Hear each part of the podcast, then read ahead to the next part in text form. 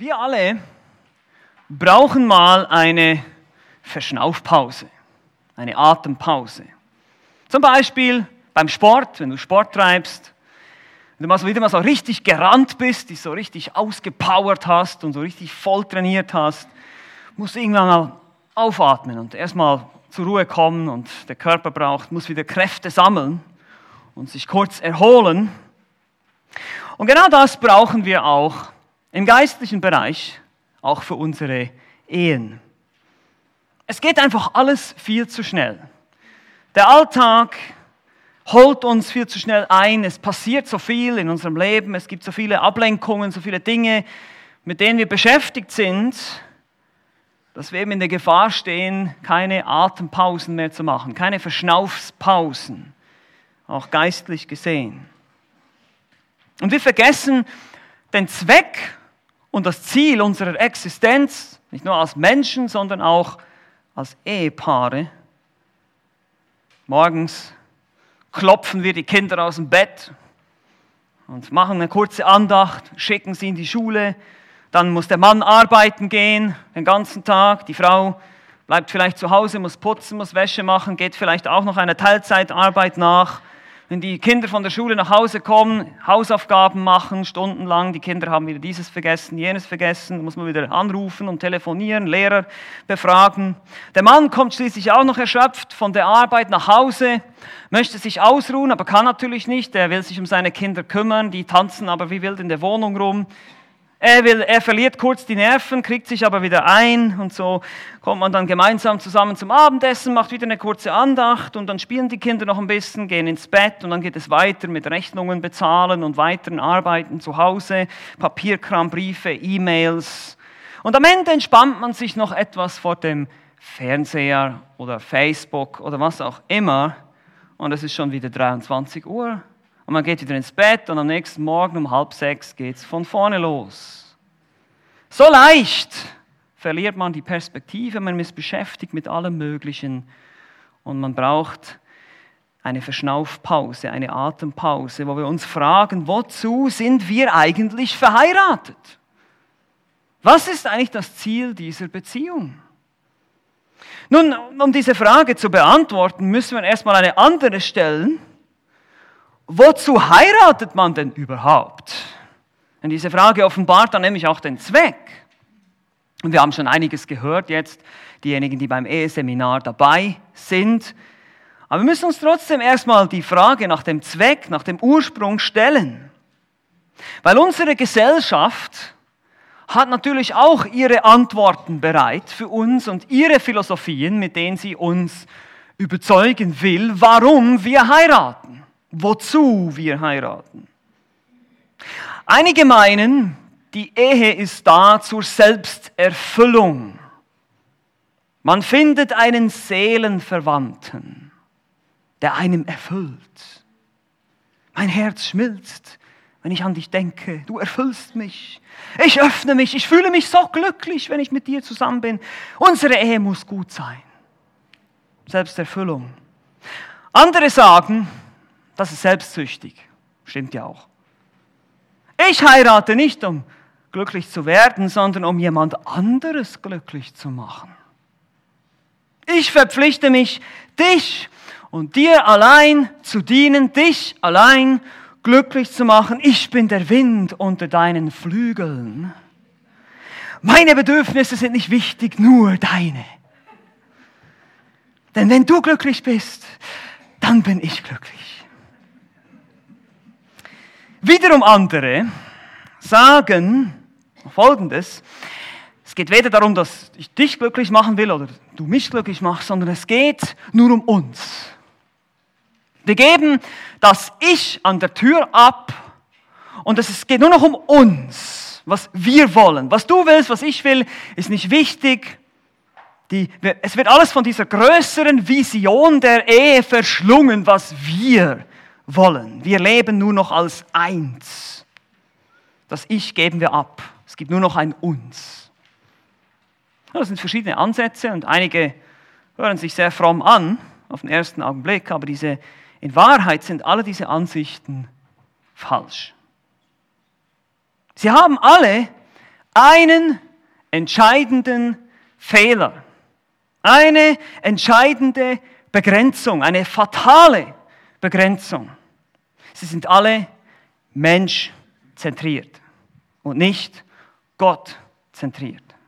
Es sind Menschen drin. Es geht entweder um dich, um mich oder um uns. Es ist menschzentriert. Sie sind nicht gottzentriert. Wir müssen uns bewusst sein, dass die Ehe nicht von Menschen, sondern von Gott stammt. Das haben wir ausführlich betrachtet. Es war seine Idee, es war sein Design, seine Schöpfung, seine Institution. Und wenn wir uns die Frage stellen, wozu heiraten oder auch wozu leben wir eigentlich als Ehepaar, was ist der Zweck unseres Lebens als Ehepaar, brauchen wir definitiv eine Atempause und müssen uns hinsetzen und darüber nachdenken. Wir müssen darüber nachdenken, was die wichtigste Beziehung in unserem Leben ist. Die wichtigste Beziehung in unserer Beziehung als Ehepaar. Es ist nicht die Beziehung zu deinen Kindern, es ist auch nicht die Beziehung zu deinem Ehepartner. Genau, es ist die Beziehung zu Gott. Das dürfte jedem bewusst sein, aber trotzdem, manchmal leben wir das nicht. Wir leben manchmal nicht so. Ja, wir wissen es vielleicht im Kopf. Ja, ich weiß, Gott ist das Wichtigste, der Herr Jesus ist das Wichtigste, ich bin ja ein Christ, also muss das ja so sein. Aber ist er das wirklich? Wie sieht das aus? Was bedeutet es denn, wenn du Christ bist und eine christliche Ehe führen, Ehe führen willst? Was bedeutet es, dass unser Herr die wichtigste Beziehung ist und eben nicht die Ehefrau oder der Ehemann? Warum ist das so? Wir müssen verstehen, egal ob du verheiratet bist oder nicht verheiratet bist, deine wichtigste Rolle ist immer noch die eines Jüngers Jesu. Du bist in erster Linie ein Jünger. Ob verheiratet oder nicht verheiratet, du bist immer ein Jünger. Und das wird immer mehr Priorität haben als der Partner oder die Freunde oder sonst welche Dinge. Und wir werden sehen, dass wenn wir diese Prioritäten richtig setzen und richtig verstehen und richtig leben, dass das dann auch zu einer gesunden und harmonischen Ehebeziehung führt. Nur so letztlich. Und deshalb wollen wir uns heute mit vier simplen, aber essentiellen Wahrheiten beschäftigen. Es ist relativ einfach heute. Wir haben vier Punkte. Die wichtigste Beziehung in deiner Beziehung, vier Gründe. Vier Gründe dafür, warum das so ist und was das dann für Auswirkungen hat. Und dann können wir auch verstehen, wozu wir eigentlich leben. Wozu leben wir eigentlich als Ehepartner? Wozu sind wir eigentlich verheiratet? Nun, hier sind vier Gründe, warum diese Beziehung die wichtigste Beziehung ist, die Beziehung zu Gott. Lass uns gleich beginnen. Erstens, die Ehe findet ihren Zweck in Gott. Die Ehe findet ihren Zweck in Gott. Wie gesagt, der erste Denkfehler liegt darin, dass es bei der Ehe irgendwie um uns geht. Natürlich geht es auch um uns, wir sind ja auch beteiligt, aber es geht nicht um uns in erster Linie, sondern um unseren Schöpfer. Die Ehe ist eine Institution Gottes, eine Einrichtung, ein Design von ihm. Nun, wie sieht dieses Design aus, dieser Plan, dieser Entwurf? Und hier gibt es eine Blaupause in 1. Mose Kapitel 2, eine Art Plan. Hier heißt es in 1. Mose 2, Vers 18. Und Gott, der Herr, sprach, es ist nicht gut, dass der Mensch allein sei, ich will ihm eine Gehilfin machen. Diesen Vers haben wir schon oft gelesen, jetzt dieses Wochenende, ihr seht schon, das ist ein zentraler Vers, wenn es um das Verständnis der Ehe geht. Eine Gehilfin, die ihm entspricht. Die Ehe ist da, um Gemeinschaft zu schaffen. Es ist nicht gut, dass der Mensch alleine sei, heißt es. Der Mensch ist ein Gemeinschaftswesen, er wurde zur Gemeinschaft geschaffen. Und so macht Gott dem Adam eine passende Helferin, die ihn ergänzt und unterstützt. Darüber haben wir heute Morgen in der Bibelstunde sehr ausführlich gesprochen, über die Kommunikation, wie wir einander auch ergänzen können und sollten. Aber worin? Wir gehen ein bisschen weiter. Wir lesen Vers 24. Wie sieht das aus? Wie sieht diese Gemeinschaft aus? Hier heißt es, darum wird ein Mann seinen Vater und seine Mutter verlassen und seiner Frau anhängen und sie werden ein Fleisch sein. Eine weitere Beschreibung dieses Designs Gottes, dieses Entwurfs Gottes, dieses Planes. Der Plan sieht so aus. Erstens verlassen, zweitens anhängen, drittens ein Fleisch werden. Ist nicht so schwer. Verlassen. Der Mann wird seine eigene Familie verlassen und eine neue Einheit gründen. Ja, die wichtigste Beziehung, junge Männer, sage ich das immer, die wichtigste Beziehung zu einer Frau ist dann nicht mehr die zu deiner Mama, sondern zu deiner Ehefrau. Ja? Verlassen. Und das bedeutet nicht, dass wir uns jetzt räumlich unbedingt sehr weit trennen müssen und wir müssen unsere Familie verlassen, also muss das Land verlassen oder irgendwie sowas. Das bedeutet es nicht unbedingt, aber wir leben getrennt. Wir haben nicht mehr dieselbe, die Beziehung zu den Eltern verändert sich. Es entsteht eine neue Einheit, eine neue Familie. Die Ehefrau und der Ehemann oder dein Ehepartner ist nun dein Fokus und nicht mehr die Eltern. Die Ideen, Wünsche, Meinungen, Bedürfnisse des Partners sind nun zentral und wichtiger als die Meinungen und Wünsche deiner Eltern oder Schwiegereltern. Das ist ganz wichtig. Es findet eine Ablösung statt. Verlassen. Dann, das Zweite, was wir sehen in diesem Entwurf hier, den Gott uns gibt, ist Anhängen. Das ist ein starkes Verb im Hebräischen, bedeutet so viel wie kleben oder festhalten, festkleben wörtlich. Der Mann wird an seiner Frau kleben, so kann man das übersetzen. Die Ehe ist eine bewusste und eine verpflichtende Entscheidung. Sie ist ein Bund. Sie wird als Bund oder als Vertrag bezeichnet in Malachi 2 zum Beispiel oder Sprüche 2.17. Ein Vertrag, der nicht aufgelöst werden kann. Nicht einfach so nach Gefühlen, nach Gutdünken, wenn ich keine Lust mehr habe, dann kann man das wieder auflösen. Nein, es gibt keine Ehe auf Zeit oder begrenzte Zeitspanne oder irgend sowas. Es ist so, dass der Mann verspricht, bei der Frau zu bleiben, die Frau beim Mann. Sie kleben aneinander. Jesus hat auch gesagt, was, der, was Gott zusammengefügt hat, das soll der Mensch nicht scheiden. Der Mann verspricht, seine Frau zu lieben, egal was kommt. Auch wenn sie vielleicht eines Tages nicht mehr so hübsch ist oder was auch immer. Egal was kommt, er bleibt bei ihr. Dasselbe gilt für die Frau. Sie bleibt beim Mann, egal wie er sich benimmt und wie schlimm er sich vielleicht entwickeln mag. Sie bleibt. Sie bleibt. Es ist eine, ein Vertrag auf Lebenszeit. Es gibt keine Hintertür, es gibt keinen Ausweg in dem Sinne. Es ist eine Entscheidung fürs Leben. Und schließlich heißt es hier auch noch, der dritte Punkt, ein Fleisch werden in diesem Vers. Ein Fleisch werden, das ist auch ein Ziel hier. Und das ist ein Hinweis auf die Sexualität auf jeden Fall, aber das ist mehr als das. Man wird eine Einheit. Es ist wie ein Autor sagt, der Zitat, völlige, völliges Hingeben einer Person an eine andere. Oder auch ein weiteres Zitat hier, Ehe ist eine Verpflichtung und ein völliges Anteilhaben der ganzen Person mit einer anderen Person bis zum Tod. Zitat Ende. Man lebt zusammen, man liebt zusammen, man leidet zusammen, man freut sich zusammen, man schläft zusammen, man stirbt zusammen. Das ist die Idee. Das ist die Idee von einem Fleisch, eine totale Einheit zweier Menschen im Leben. Na schön, sagst du jetzt vielleicht. Aber das beantwortet immer noch nicht die Frage, wozu.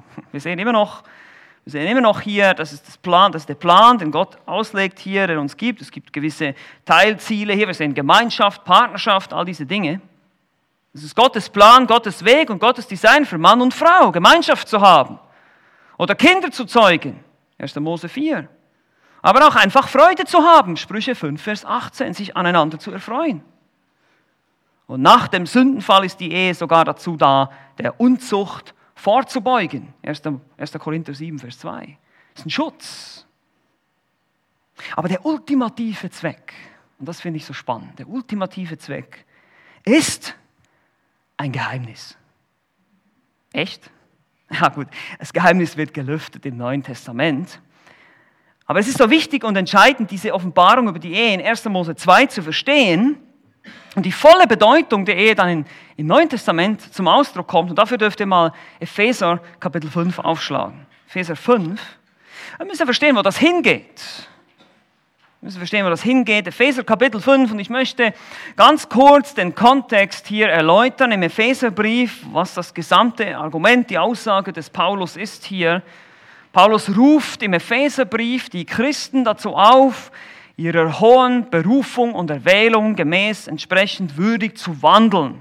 Sie sind berufen worden, das heißt mit einem effektiven Ruf, sie sind Erwählte. Gott hat sich entschieden, diese Menschen zu retten. Er hat sie herausgezogen, sie wurden vom geistlichen Tod zum geistlichen Leben erweckt, heißt es im Kapitel 2. In Kapitel 1 spricht er von ihnen als die Erwählten und die Gesegneten. Von Kapitel 2 diejenigen, die vom Tod zum Leben durchgedrungen sind, zum geistlichen Leben. Und jetzt vereint sein, sind in einer neuen Heilskörperschaft in der Gemeinde, Juden und Heiden gleichsam. Und jetzt sollen sie ab Kapitel 4, der praktische Teil, heißt es dann, dass sie jetzt entsprechend ihre Berufung würdig wandeln sollen. Sie sollen sich dementsprechend verhalten, ihre Berufung, ihre Berufung von einem heiligen Gott, sie sollen heilig wandeln und schließlich äh, beschreibt Paulus das dann auch in Kapitel 5, wo er in Vers 18 sagt, sie sollen vom Geist erfüllt werden. Wir haben dieses Thema schon öfters besprochen. Wie werden wir vom Geist erfüllt? Gottes Geist spricht durch sein Wort. In Kolosser 3,16 sehen wir, wenn wir vom Wort erfüllt sind, sind wir vom Geist erfüllt. Was bedeutet es, erfüllt zu sein? Prinzipiell unter der Kontrolle von etwas. Hier sagt er, seid nicht vom Wein erfüllt, nicht berauscht, besoffen. Ja, da seid ihr unter der Kontrolle vom Alkohol. Nein, seid unter der Kontrolle des Geistes. Lasst euch vom Geist erfüllen und leiten. Gehorcht ihm, gehorcht seiner Stimme. Lasst euch von ihm kontrollieren. Und die Folge dieser Geisterfüllung in Epheser 5, hier sind verschiedene Dinge, ist das Singen, das Reden und das Singen, das Singen in Psalmen, aber auch das einander belehren und auch unter anderem in Vers 21, dass sie sich einander unterordnen in der Furcht Christi. Ein Geist, ein geisterfüllte Person wird sich unterordnen. Die Frauen, ihren Männern, heißt es an Vers 22. Und in Vers 25, die Männer lieben ihre Frauen. In gewisser Weise stellen sie da auch ihre eigenen Bedürfnisse zurück und opfern sich und geben sich hin für ihre Frauen. Die Männer sollen ihre Frauen lieben, wie Christus die Gemeinde geliebt hat. Und hier kriegen wir schon einen kleinen Hinweis, wo das Ganze letztlich hinführt und hinweist. Nachdem Paulus das alles ausgeführt hat, zitiert er genau die Stelle aus 1. Mose Kapitel 2, Vers 31, in Vers 31 hier. Das heißt in Epheser 5, Vers 31, deswegen wird ein Mensch den Vater und die Mutter verlassen und seine Frau anhangen und die zwei werden ein Fleisch sein. Und dann sagt er, dieses Geheimnis ist groß. Ich sage es oder auch deute es in Bezug auf Christus und die Gemeinde. Ein Geheimnis im Neuen Testament ist etwas, was im Alten Testament noch nicht offenbar geworden ist und jetzt offenbar gemacht wurde. Das Geheimnis hier ist die Einheit zwischen Christus und seiner Gemeinde. Und das Paulus sagt selber, dieses Geheimnis ist groß. Es ist schwierig, völlig zu erfassen.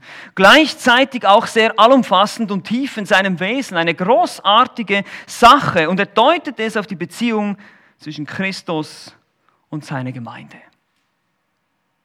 Er wendet die Stelle aus 1. Mose 2,24 auf die Beziehung zwischen Christus und seiner Gemeinde an. Er zeigt uns damit, dass die menschliche Ehe ein lebendiges Gleichnis ist der Beziehung zwischen Christus und der Gemeinde. Wir sind also als Ehepaare lebendige Abbilder der Beziehung zwischen Christus und seiner Gemeinde. Das ist ernüchternd. Das ist auch etwas, das ein bisschen Angst machen könnte, weil ist ein Privileg, aber es ist auch eine große Verantwortung. Jedes Ehepaar ist eine kleine evangelistische Illustration der Liebe des Christus zu seiner Gemeinde. Wow. Einen ersten Hinweis, wenn auch verdeckt, auf das Evangelium finden wir also schon vor dem Sündenfall in 1. Mose 2,24, wobei es da noch, nicht erkennbar war. Die Ehe ist also Teil des Heils Planes Gottes in dieser Welt, nicht in der zukünftigen, um der Welt zu zeigen, wer er ist. Hier sehen wir, der Zweck der Ehe findet sich in Gott und seinem Heilsplan. Und deshalb wird die Ehe auch angegriffen, von Anfang an. Was ein Hinweis ist auf das Evangelium, auf den Heilsplan Gottes. Das ist der erste, der wichtigste Grund, warum die Beziehung zu Gott die wichtigste Beziehung in deiner Beziehung ist. Er hat die Ehe nicht nur entworfen zur Kinderzeugung oder zur Freude des Menschen oder zur Gemeinschaft, das ist alles auch richtig, sondern verfolgt damit seine Selbstoffenbarung. Gott offenbart sich darin, in dieser Beziehung. Und deshalb muss unsere Ehe auch Gott zentriert sein, auf Gott ausgerichtet. Es geht nicht in erster Linie um uns. Und das ist der erste Grund. Die Ehe findet ihren Zweck in Gott. Warum ist dies die wichtigste Beziehung deiner Beziehung? Zweitens, die Ehe findet ihre Hoffnung im Evangelium.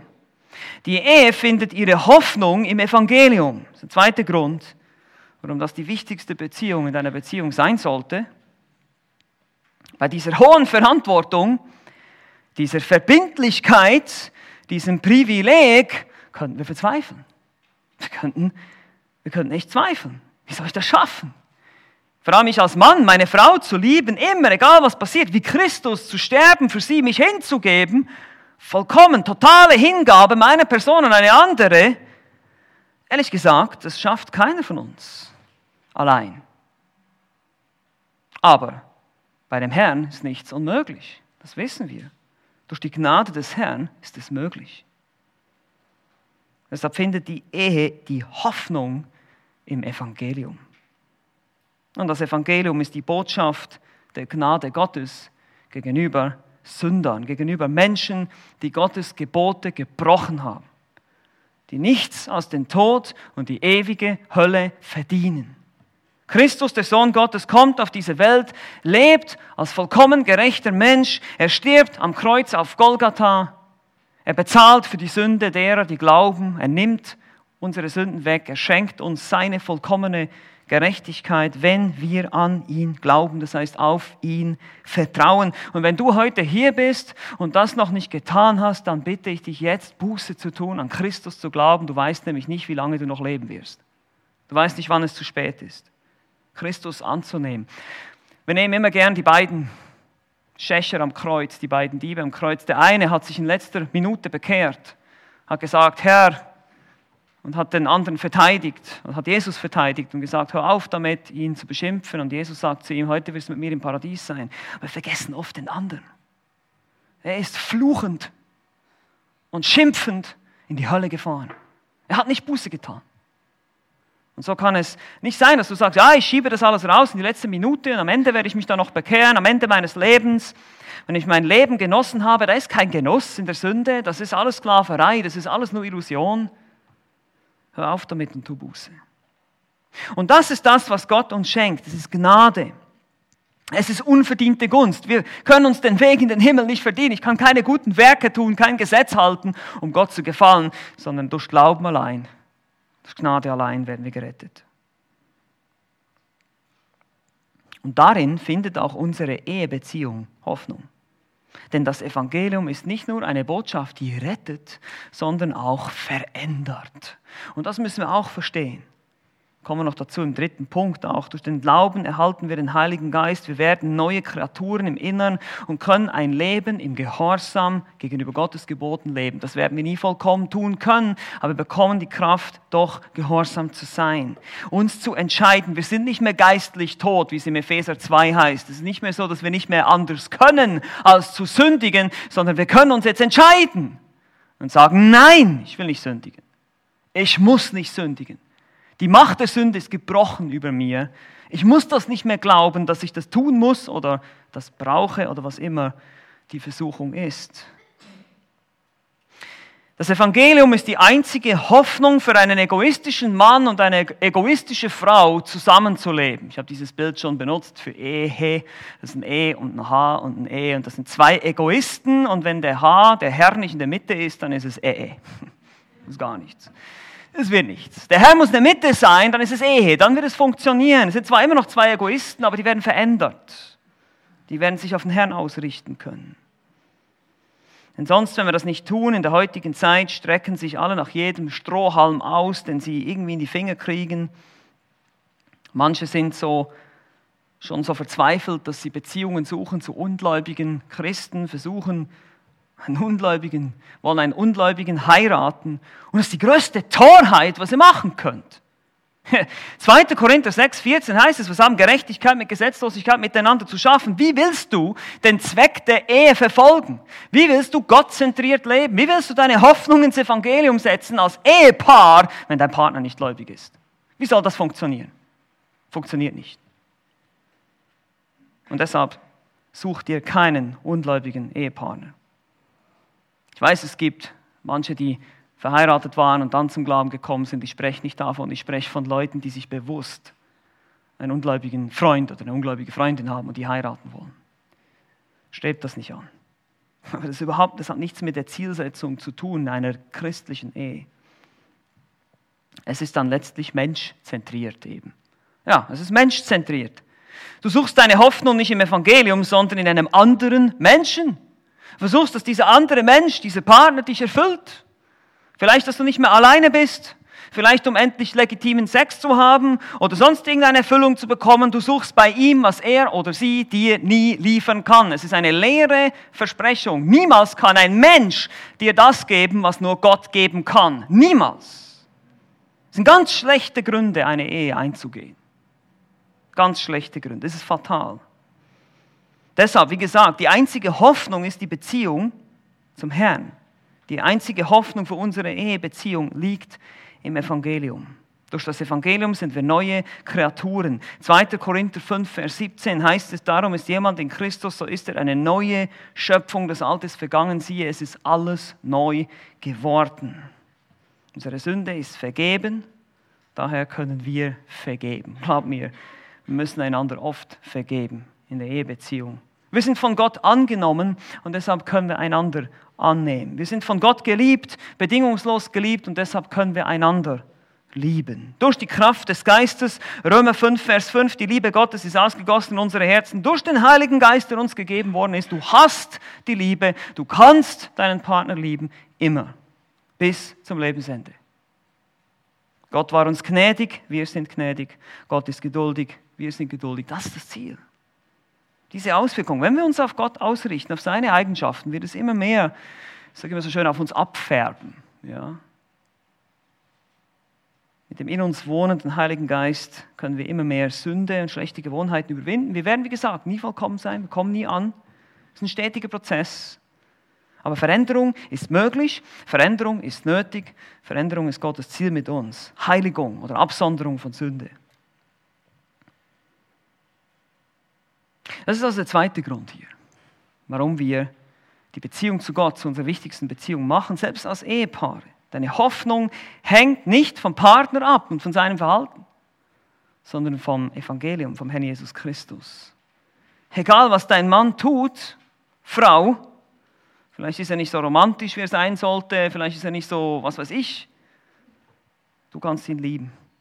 Egal, was deine Frau tut, Mann, sie nicht immer mit dir ist oder nicht immer so viel Zeit mit dir verbringen will oder was auch immer, wir können daran arbeiten. Du findest deine Hoffnung nicht im Partner, sondern im Evangelium. Das ist eine ganz bewusste Ausrichtung und Entscheidung. Das heißt nicht, dass wir nicht an diesen Dingen arbeiten sollen, aber es geht darum, dass wir erstmal die Frage stellen, wo finde ich meinen Halt im Leben? Wo finde ich meine Hoffnung? Ist es mein Partner? Weil dein Partner kann sterben. Und was machst du dann? Deine Freude gründet sich auf die Tatsache, dass du nicht in die ewige Hölle geworfen wirst. Wie ist es damit? Deine Zufriedenheit, dein Glück, dein Wohlbefinden. Und das könnt ihr auch auf andere Dinge anwenden, nicht nur auf den Partner. Es gibt auch genügend andere Dinge, warum wir rummeckern im Leben und nicht zufrieden sind, weil es nicht so läuft, wie wir uns das vorstellen. Und dann müssen wir uns wieder das Evangelium in Erinnerung rufen, das Evangelium der Gnade Gottes. Ich bin begnadigt worden. Gott hat sich über mich erbarmt. Ich darf Freude haben, weil ich in den Himmel kommen werde eines Tages und nicht in die ewige Verdammnis muss.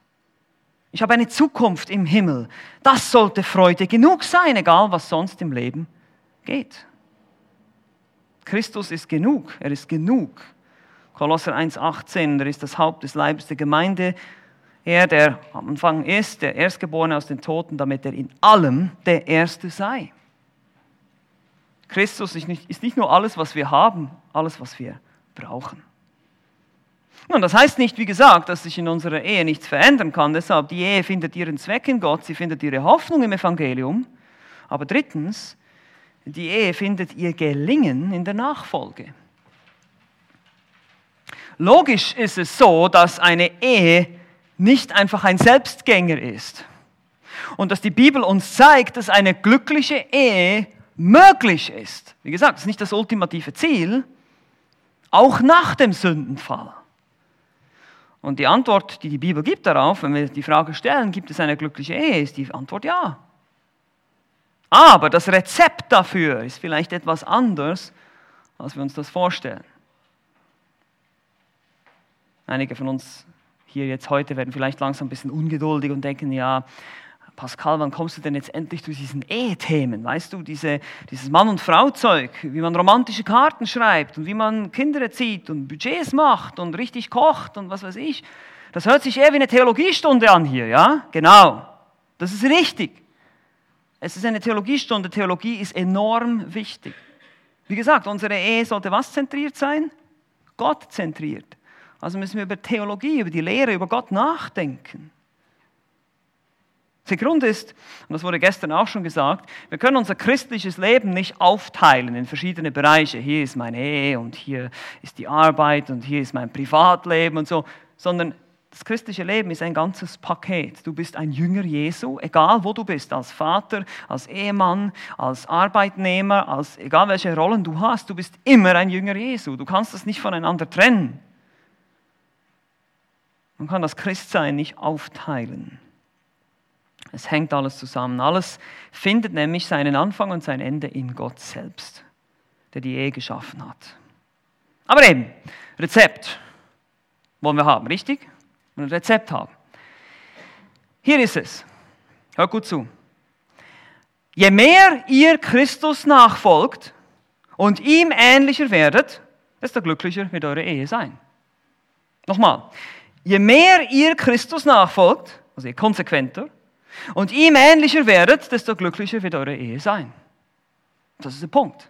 Nachfolge. Ist es so? Christus ruft dich und mich zur totalen, zur völligen Hingabe an ihn.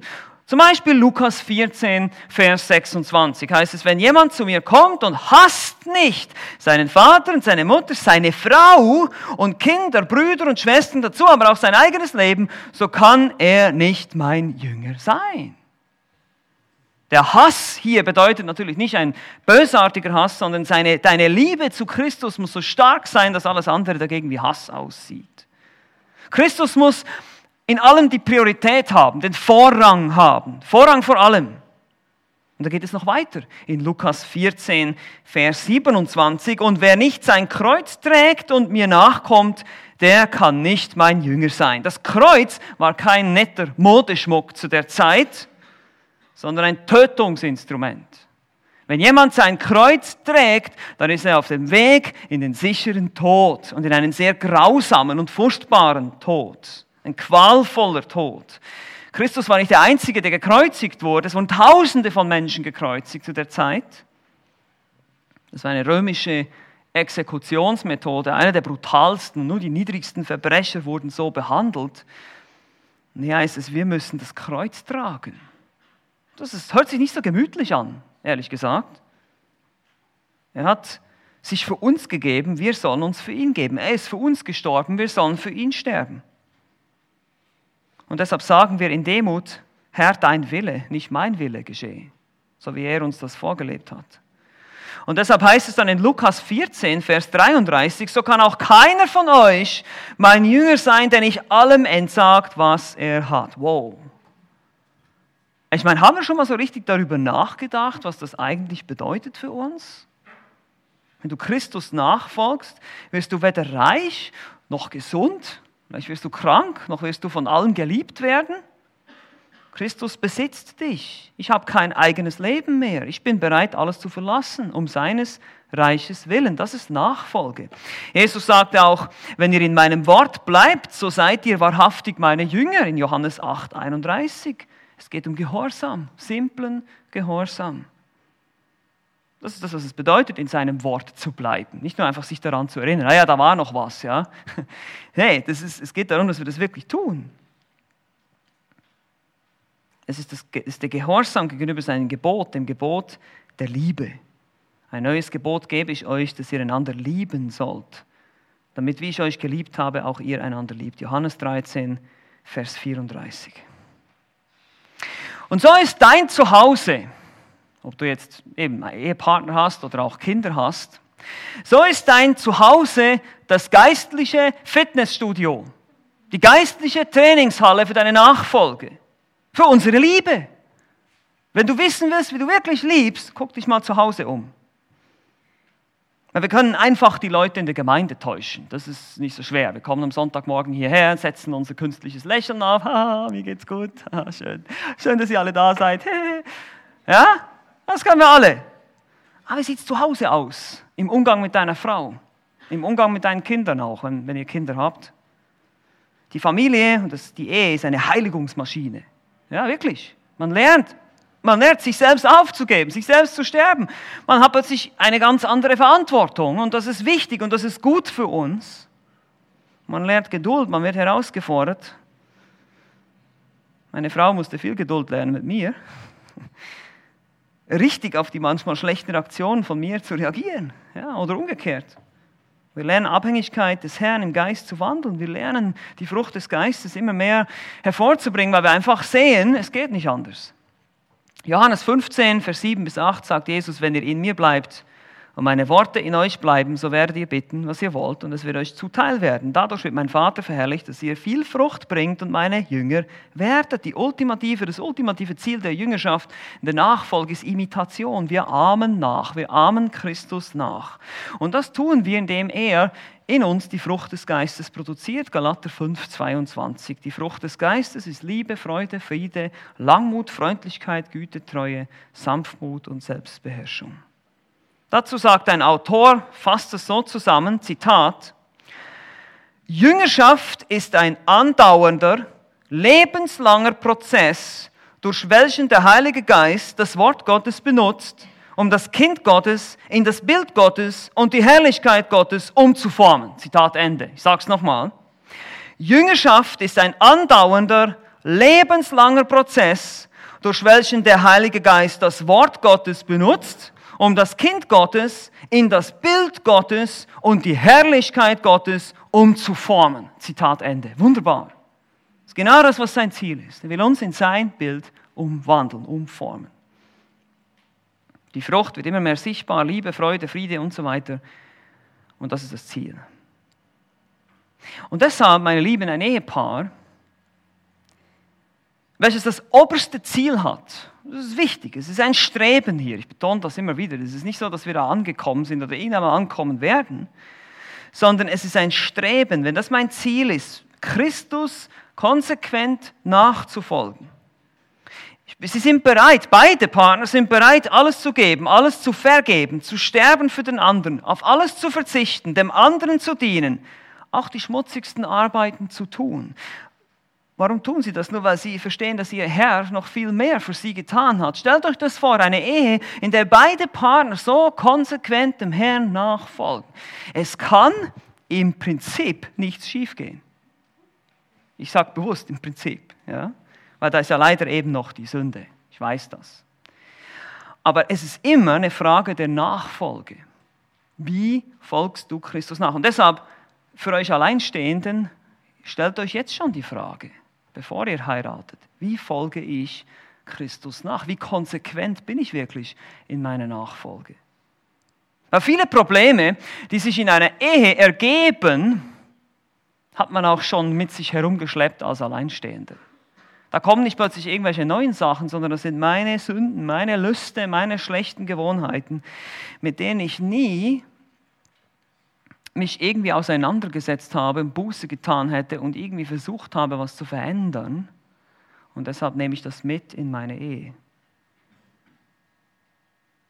Es läuft eben, wie gesagt, nicht immer alles so, auch in der Nachfolge nicht. Und deshalb brauchen wir nicht nur eine Hingabe an Gott, sondern auch eine Hingabe an seine Gemeinde. Und das ist jetzt der letzte Punkt, der vierte Punkt. Die wichtigste Beziehung in deiner Beziehung. Vier Gründe. Das erste ist, die Ehe findet ihren Zweck in Gott, findet ihre Hoffnung im Evangelium, ihr Gelingen in der Nachfolge, aber die Ehe findet ihr Zuhause in der Gemeinde. Und das ist vielleicht ein Punkt, der von vielen unterschätzt wird. Die Gemeinde ist Gottes Programm auf Erden im Moment, um sein Reich zu bauen, um die Verlorenen zu erreichen und die Heiligen zuzurüsten. Sag das nochmal.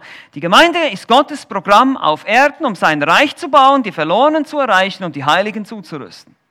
Es ist Gottes Bibelschule und Gottes Missionsstation. Das ist die Gemeinde, die Gemeinschaft der Heiligen.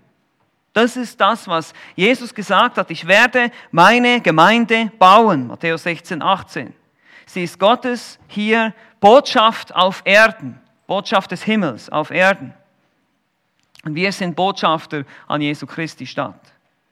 Hier werden Jesu, Jünger Jesu gemacht, hier wird getauft, hier nimmt man gemeinsam das Mahl des Herrn ein. Das ist die Funktion der Gemeinde in unserem Zeitalter.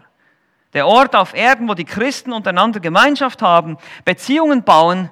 Und hier tauscht man weltliche Unabhängigkeit gegen biblische Demut ein. Hier tauscht man weltliche Unabhängigkeit gegen biblische Demut ein, wenn man in die Gemeinde kommt. Ah, ihr könnt letztlich nicht mehr so leben, wie ihr wollt. Ihr seid nicht mehr selber die Autorität und ihr macht einfach, was immer ihr wollt, sondern ihr sagt, nee, ich ordne mich jetzt hier ein. Ich ordne mich jetzt hier unter. Ich werde mich den Ältesten unterordnen. Ich werde mich natürlich Christus unterordnen, seinem Wort unterordnen. Ich werde mich hier einfügen und dienen, wo ich gebraucht werde. Ich werde nicht einfach machen, was immer ich will, was mir passt, wozu ich Lust habe. Also biblische Demut. Und deshalb, nicht nur als Ehepaar, sondern auch sonst, wenn ich mich einer lokalen Gemeinde nicht anschließe, bin ich einerseits stolz und auch ungehorsam. Stolz, weil ich den Rat von anderen Christen verwerfe, die liebende Beratung, die Begleitung, vielleicht durch Pastoren oder durch Geschwister, ich, lieber, ich gehe lieber meinen eigenen Weg, ich will lieber mein eigenes Christsein leben zu Hause, für mich selbst oder im Wald oder wo auch immer. Wie tragisch, wie dumm. Denn in Sprüche 12.1 heißt es effektiv dumm. Ja? Wer Unterweisung liebt, der liebt Erkenntnis. Wer aber Zurechtweisung hasst, der ist was? Töricht. Es gibt ein anderes Wort für töricht. Es fängt mit D an und hört mit um auf. Dumm. Das ist das, was es bedeutet. Du bist einfach dumm. Wenn du dich nicht einer Gemeinde anschließt und dich nicht belehren lässt, bleibst du einfach dumm. Und unweise und törichte Menschen, dumme Menschen, die haben viel Schmerzen. Das sagen uns die Sprüche immer und immer und immer wieder. Stolz und dumm und es ist auch ungehorsam, weil es unbiblisch ist. Sich als Christ keine Gemeinde anzuschließen, du bist ungehorsam gegenüber dem Gebot Gottes. Wir sollen unsere Versammlungen nicht verlassen, heißt es in Hebräer 10, 25. Wir sollen lokal irgendwo angeschlossen sein, verpflichtend. Und wir haben auch gesehen im Korintherbrief, 1. Korinther 12, 18, Gott hat die Glieder gesetzt, jedes einzelne von ihnen an dem Leib, wie es ihm gefallen hat. Gott setzt uns zusammen, gibt uns Gaben, gibt uns Möglichkeiten, uns einzubringen in der Gemeinde. Wenn du das nicht tust, lebst du in Sünde. Dies ist das Ziel dass wir einander helfen sollen. Und ein Ehepaar, jetzt kommen wir zurück zum Ehepaar, das sich nicht einer gesunden Gemeinde anschließt und nicht regelmäßig zu den Veranstaltungen erscheint oder auch eingebunden ist und Beziehungen pflegt, schwebt in großer Gefahr. Denn es wird mehr von der Welt als von der Gemeinde beeinflusst. Du bist viel mehr in der Welt. Überleg dir mal, wie viel Zeit du verbringst, zum Beispiel als Mann in der Arbeitswelt. Du hast ständig mit Ungläubigen zu tun, du wirst ständig bombardiert mit irgendwelchen Einflüssen und Reizen und dann verpasst du auch noch die Gemeinde. Dann bist du nur in der Welt. Glaubst du nicht, dass du dann, glaubst du, dass du ernsthaft geistlich wachsen kannst dadurch? Dass das funktionieren wird?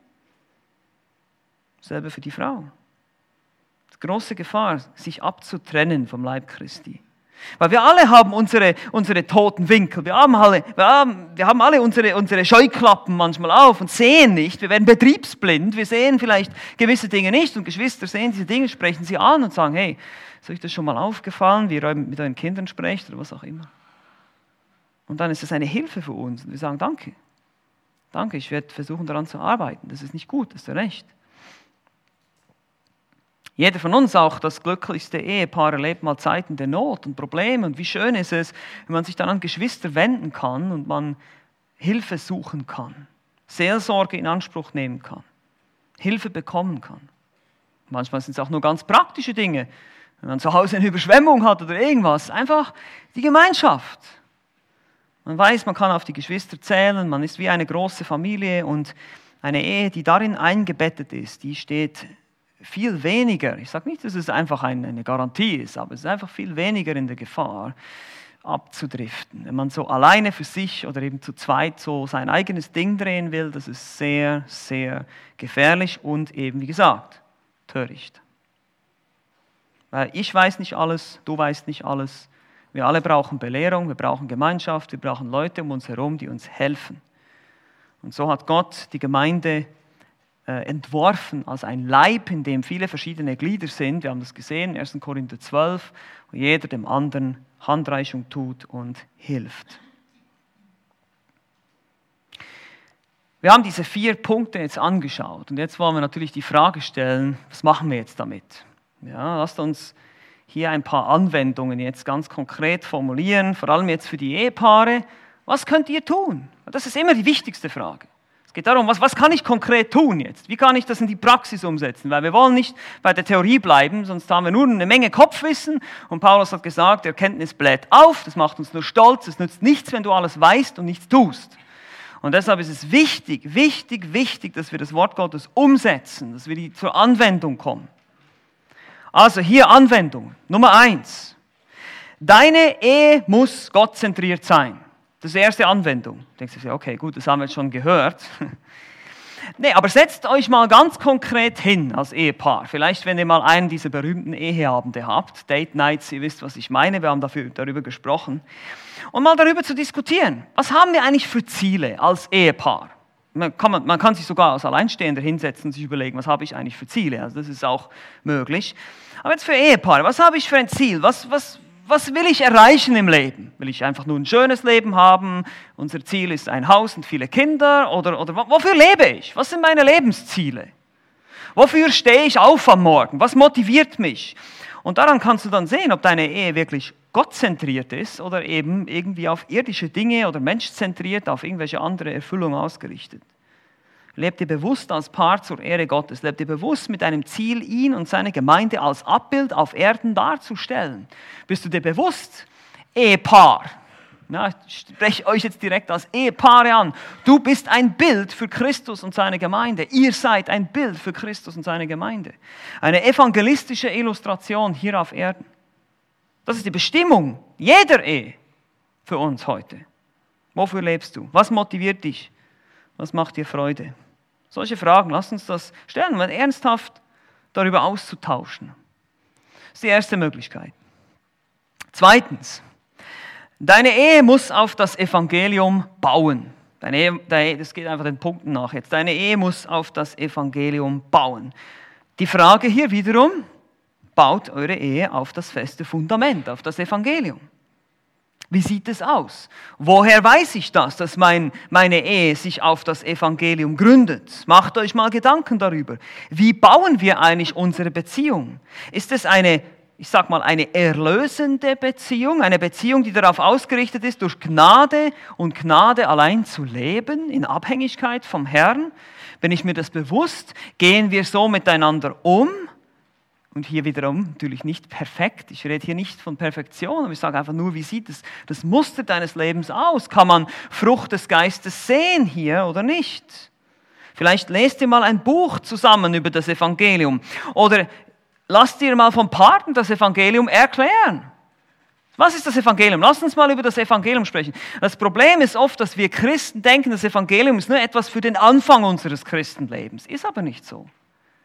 Wir leben beständig und jeden Tag von dem Evangelium. Das heißt, wir erinnern uns an die Gnade Gottes in dem Herrn Jesus Christus, an sein Opfer am Kreuz. Deshalb tun wir das ja auch dann auch noch im Mahl des Herrn. Da erinnern wir uns als Gemeinde daran. Wir denken darüber nach. Wir freuen uns darüber. Wir diskutieren darüber. Und das sollen wir auch als Ehepaare tun. Drittens. Dritte Anwendung. Deine Ehe muss in der Nachfolge gelebt werden. Wie gesagt, nur wenn du in der Nachfolge lebst, wenn beide in der Nachfolge leben, wird es irgendwie harmonieren. Ehe lädt sich nicht von selbst. Das Wichtigste bei ist, dass ihr beide wahre Jünger seid. Geht mal zum Beispiel als Ehepaare gemeinsam durch die Worte Jesu, wo er über die Nachfolge spricht, über die harten Worte Jesu. Wir leben in einem Zeitalter, in dem wir keine harten Worte mehr hören wollen. Wir wollen nur noch alles hören, was irgendwie mit Watte gepolstert ist und uns irgendwie ein wohliges Gefühl im Bauch gibt und so. Wir wollen nicht mehr klare, deutliche Worte hören heute. Wir leben in einer verweichlichten Gesellschaft. Und das ist unser Problem. Ja, wir sind eine Gesellschaft von Waschlappen, ehrlich gesagt, wirklich. Weil das ist einfach, wir halten nichts aus. Ich meine, ich zähle mich da dazu. Überhaupt nicht, ich bin genau gleich.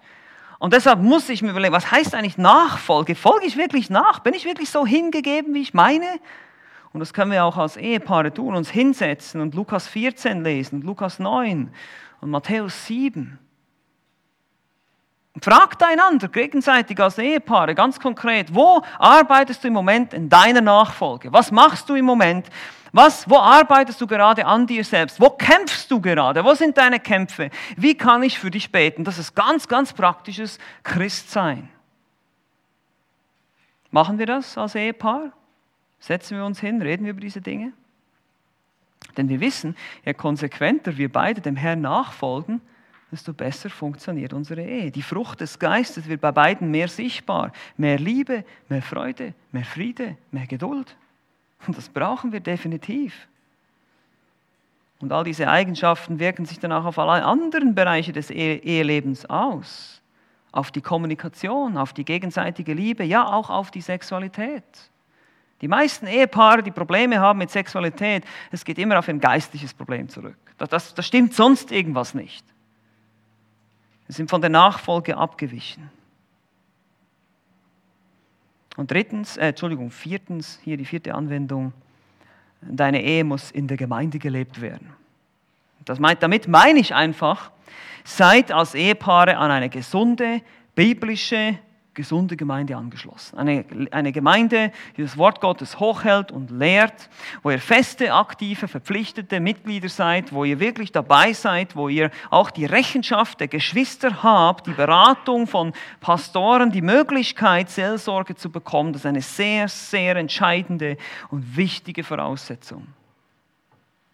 Es ist sehr hilfreich, sich zum Beispiel als Ehepaar regelmäßig mit einem anderen Ehepaar aus der Gemeinde zu treffen, einfach mal so über diese Themen von Ehepaar zu Ehepaar zu sprechen. Das ist auch eine ganz praktische Möglichkeit, das umzusetzen. Wie lebt ihr eure Beziehung zum Herrn? Wie stellt ihr sicher, dass ihr eben nicht abdriftet und so weiter? Wie schützt ihr euch? Diese Fragen, die wir auch gestern hier so ein bisschen beantwortet haben.